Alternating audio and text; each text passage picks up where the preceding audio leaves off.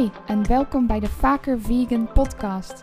Ik ben Eline Beumer en als plantaardig voedingsdeskundige inspireer en motiveer ik je in deze podcast om vaker te kiezen voor een plantaardig alternatief. Ik deel tips en informatie met je zodat jij aan de slag kunt met een gezond en volwaardig plantaardig voedingspatroon. Een voedingspatroon dat beter is voor jouw gezondheid, voor de dieren en voor onze planeet. Veel luisterplezier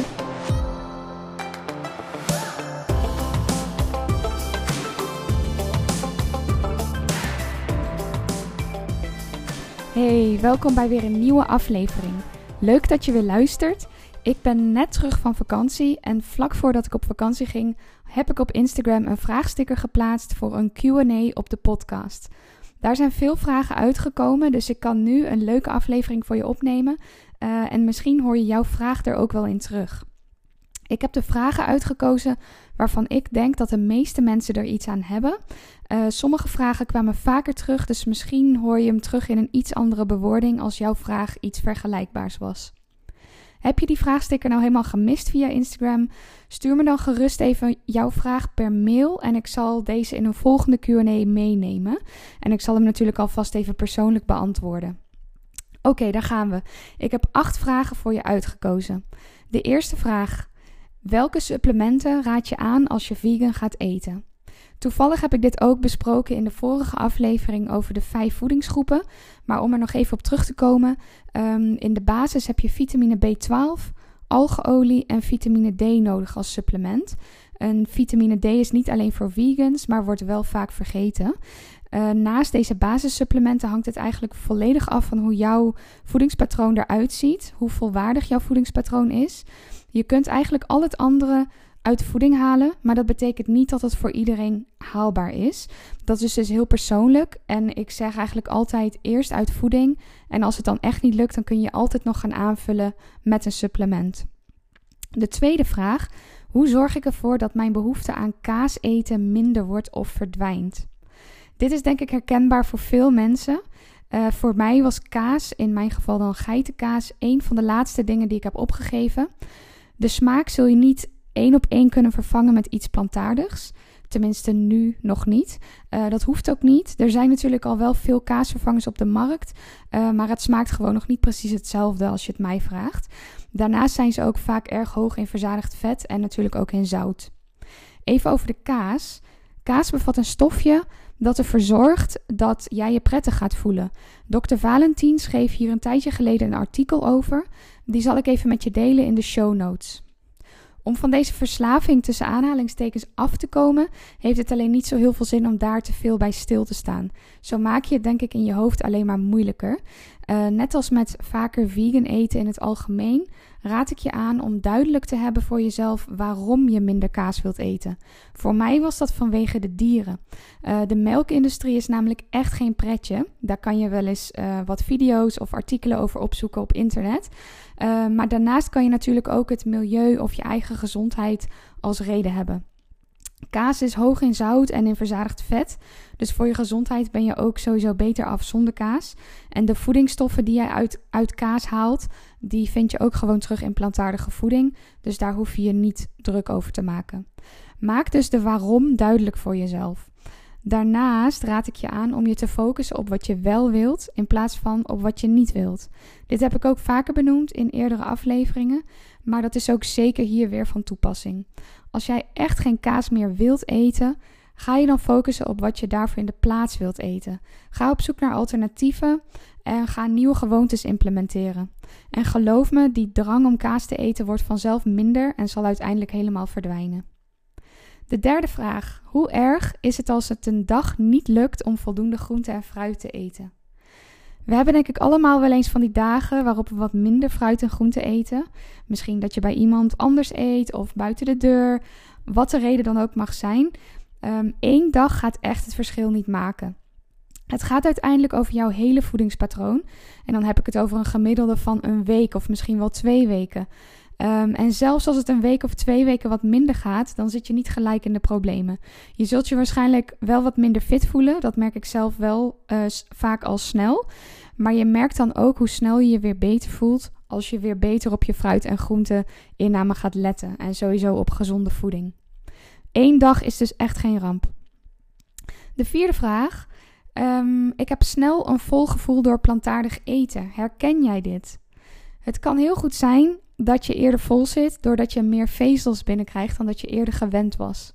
Dat is dus eigenlijk heel positief, want je kan makkelijker binnen jouw energiebehoefte blijven zonder dat je honger hebt. Um, dat je snel vol zit, dat betekent niet per definitie dat je voldoende eet. Daar zou ik dus wel echt zeker op letten. Ik zie wel vaak dat cliënten eigenlijk nog te weinig eten. Dat hebben ze zelf niet zo in de gaten. Maar het is wel te zien aan de calorieinname en dus ook aan de voedingsstoffen die ze binnenkrijgen. Wanneer je plantaardig eet, is het echt belangrijk om voldoende te eten. En onbewerkte plantaardige voeding heeft een lagere caloriedichtheid. En dat betekent uh, dat bijvoorbeeld 500 kilocalorieën uit groente en fruit een veel grotere portie is dan 500 kilocalorieën uit vlees of kaas of bijvoorbeeld olie, ook een bewerkt product. Als je net begint met plantaardig eten, dan kan het dus even wennen zijn dat je grotere porties moet eten om aan de juiste hoeveelheid energie te komen. Ik raad aan om dat stap voor stap op te gaan bouwen. En vooral door eerst meer groente en fruit toe te voegen. Dat is wat minder zwaar dan bijvoorbeeld volle granen en peulvruchten.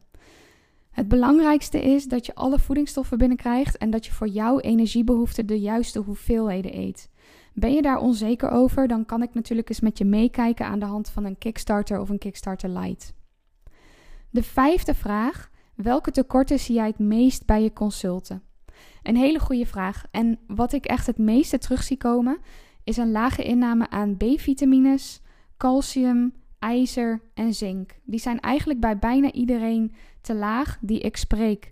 Um, wanneer die calorieinname ook echt ver beneden de behoefte is, dan is de lijst vaak nog wat langer. Um, het leuke is dan in zo'n Kickstarter uh, om na een maand te zien hoe sterk dit is verbeterd. Want in een maand kun je al zoveel veranderen als je dus maar weet hoe je dat kan doen. Het is zo mooi om te zien hoe cliënten dan aan de slag gaan met het advies. En wat voor impact dat dus heeft op zowel de volwaardigheid van het voedingspatroon. Dus uh, ze krijgen veel meer voedingsstoffen binnen. Als ook op hoe ze zich voelen. Ik krijg namelijk vaak terug dat ze zich veel energieker gaan voelen. En dat is al met een paar eenvoudige aanpassingen. De zesde vraag. Mijn kinderen die vinden het niet lekker. Heb je daarvoor tips? Ik zou zeggen, ga op zoek naar een paar leuke kookboeken en websites en ga nieuwe recepten uitproberen.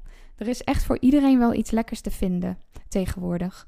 Uh, bewaar recepten die goed bevallen op een handige plek, zodat je ze ook makkelijk nog een keer maakt. Maak bijvoorbeeld hun lievelingsgerechten eens in een plantaardige variant. Of betrek ze bij het inkopen en het koken van de maaltijden, uh, zodat ze onderdeel zijn van het proces. Laat ze bijvoorbeeld kiezen welke groente of fruit in of bij de maaltijd gaat. Um, het is ook zeker een kwestie van wennen. Wennen aan andere smaken, dus neem daar ook zeker de tijd voor. Wat ook leuk kan zijn, is misschien uh, gerechten zoals taco's of burrito's, waarbij iedereen zelf zijn ingrediënten kan opscheppen. Je zet dan allemaal verschillende uh, ingrediënten in bakjes op tafel, wat je in een taco of in een burrito kan stoppen, of misschien wel op een pokeball. En zo is er eigenlijk voor iedereen wel wat wils en ze kunnen zelf kiezen wat ze dan willen gebruiken. De zevende vraag: hoe krijg ik genoeg ijzer en B-vitamine binnen bij een glutenvrij dieet? Wanneer je geen gluten eet, is het sowieso belangrijk om voldoende glutenvrije granen te blijven eten. Dus dan heb ik het over bijvoorbeeld quinoa, uh, boekweit, volkoren rijst, noem maar op. Um, daar haal je onder andere B-vitamines en ijzer uit, maar ook andere essentiële voedingsstoffen. Verder krijg je B-vitamines binnen uit onder andere peulvruchten, bladgroenten, champignons, um, edelgistvlokken, ook een hele handige bron. Um, ijzer haal je bijvoorbeeld uit peulvruchten, maar ook uit noten, zaden en pitten. Um, het kan dus zeker ook zonder gluten, maar het is wel belangrijk om goed te blijven kijken of je alles goed uit andere bronnen haalt. De achtste en dus de laatste vraag. Kan ik volledig vegan eten als ik veel sport en kom ik wel aan voldoende eiwitten?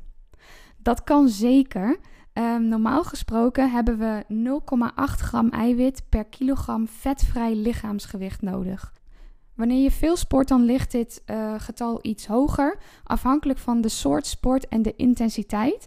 Uh, maar maximaal heb je 1,6 gram per kilogram vetvrij lichaamsgewicht nodig. Um, het is namelijk aangetoond dat hoeveelheden daarboven geen positief verschil meer maken. Als veganist krijgen we gemiddeld al 70% meer eiwit binnen dan we eigenlijk nodig hebben.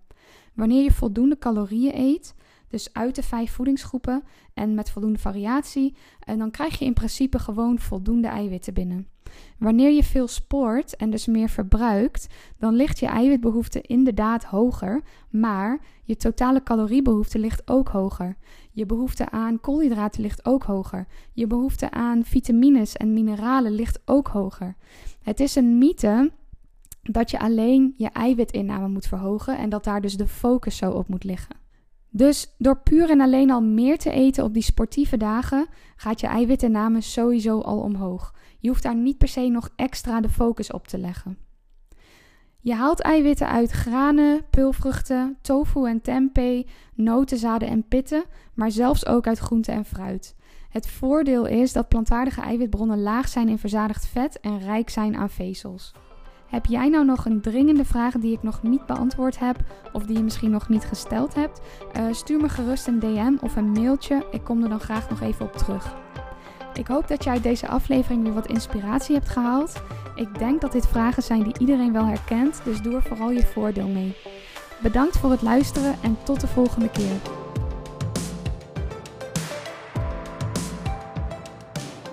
Super leuk dat je hebt geluisterd naar de Vaker Vegan podcast. Heb je er nou iets aan gehad of heeft het je geïnspireerd om weer een stapje te zetten richting een plantaardig voedingspatroon? Dan zou ik het heel tof vinden als je me 5 sterren zou willen geven op Apple Podcast of op Spotify. Omdat ik zo graag zoveel mogelijk mensen wil inspireren om vaker vegan te eten op een gezonde manier, zou het fantastisch zijn als je deze podcast wilt delen met mensen waarvan jij denkt dat ze er iets aan hebben.